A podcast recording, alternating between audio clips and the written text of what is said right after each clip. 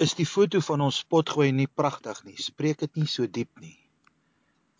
Hierdie anker in 'n vorm van 'n kruis wat langs hierdie boot hang. Ek sit hier so uh, by Gordons Bay hier langs die see en ek kyk uit oor Valsbaai met Tafelberg afgeets daar op die horison hier voor my. Aan die linkerkant is Gordons Bay seiljag hawetjie En ek dink aan 'n verhaal wat ek gelees het van twee jong manne jare terug wat met al hulle spaargeldjies vir hulle 'n vissersbootjie gekoop het. En hulle gehoor het 'n groot orkaan is op pad. Dit was daar in Amerika met sy geweldige orkane. En die manne dink aan 'n plan om vinnig hulle bootjie te beveilig en hulle is besig om daar te worstel met toue en hulle slaan dit oral op die land vas en maak dit vas aan bome, seker ook palmbome soos hier in Gordons Bay. En terwyl hulle so spook om hulle bootjie te beveilig, staan 'n ou visserman eenkant hulle so en aankyk. En later dan kan hy nie meer help nie en hy kom so nader gestap. En hy sê vir hulle: "Hoorie manne, kan ek julle goeie raad gee? Ek weet van die orkaan wat kom. Vat hierdie toue. Moenie aan land anker nie. Moet ook nie aan bome en aan voorwerpe op land vasmaak nie. Vat hierdie ankertoue en anker diep. Diep hier waar jou bootjie staan. Hou die toue maar slap. En dan hoop jy maar van die beste as daai orkaan kom. Want dit is die beste manier wat jy gaan hê om te kyk dat jou boot nie uitmekaar geruk word nie of uiteindelik gaan sink nie. Hierdie anker.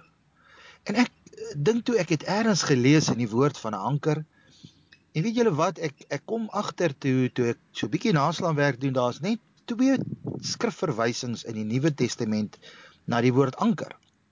Die eerste ene is in Handelinge waar Paulus hulle skipbreek gelei het en hulle moes die boot uh, moes hulle anker gooi.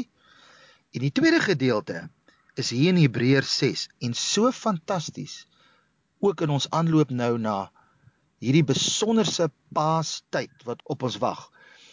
Die Paas fees van die jaar 5777.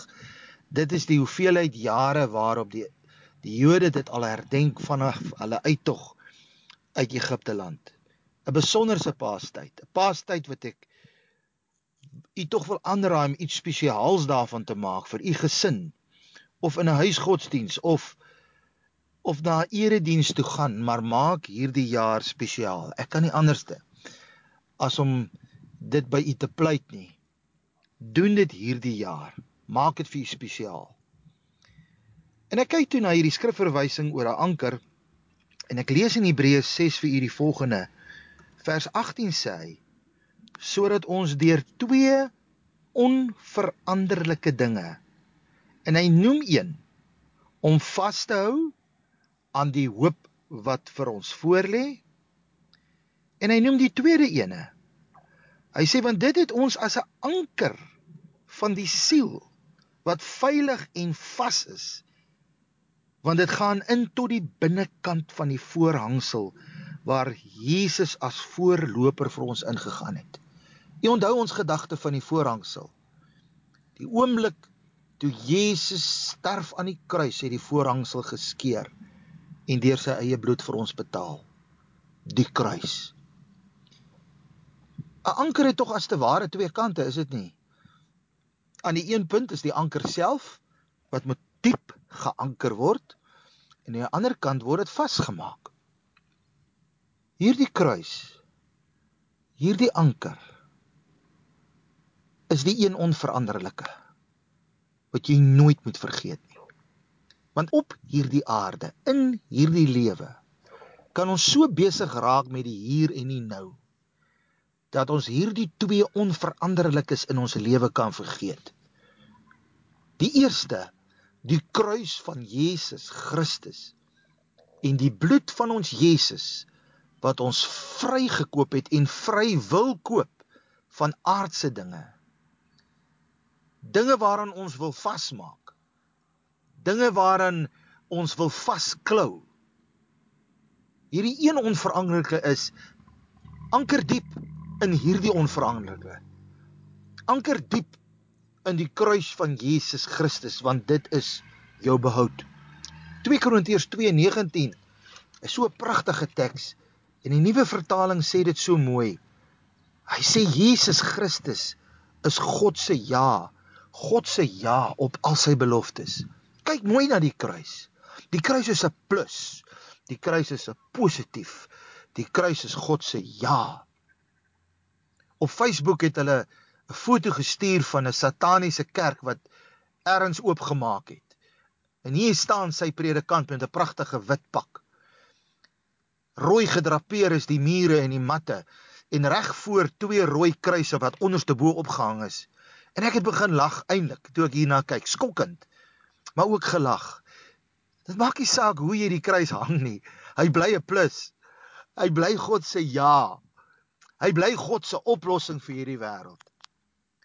En die tweede onveranderlike noem myself hier die hoop wat vir ons voorlê.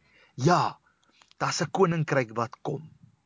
Daar's 'n goddelike waarheid, die waarheid van die evangelie wat vir ons sê in Titus hoofstuk 2 vers 13. Hierdie hoop sê hy is 'n salige hoop. Die verskyning van die heerlikheid van die groote God wat voorlê en ons verlosser Jesus Christus. Wanneer hy uiteindelik gaan aankondig, dis klaar, dis finaal.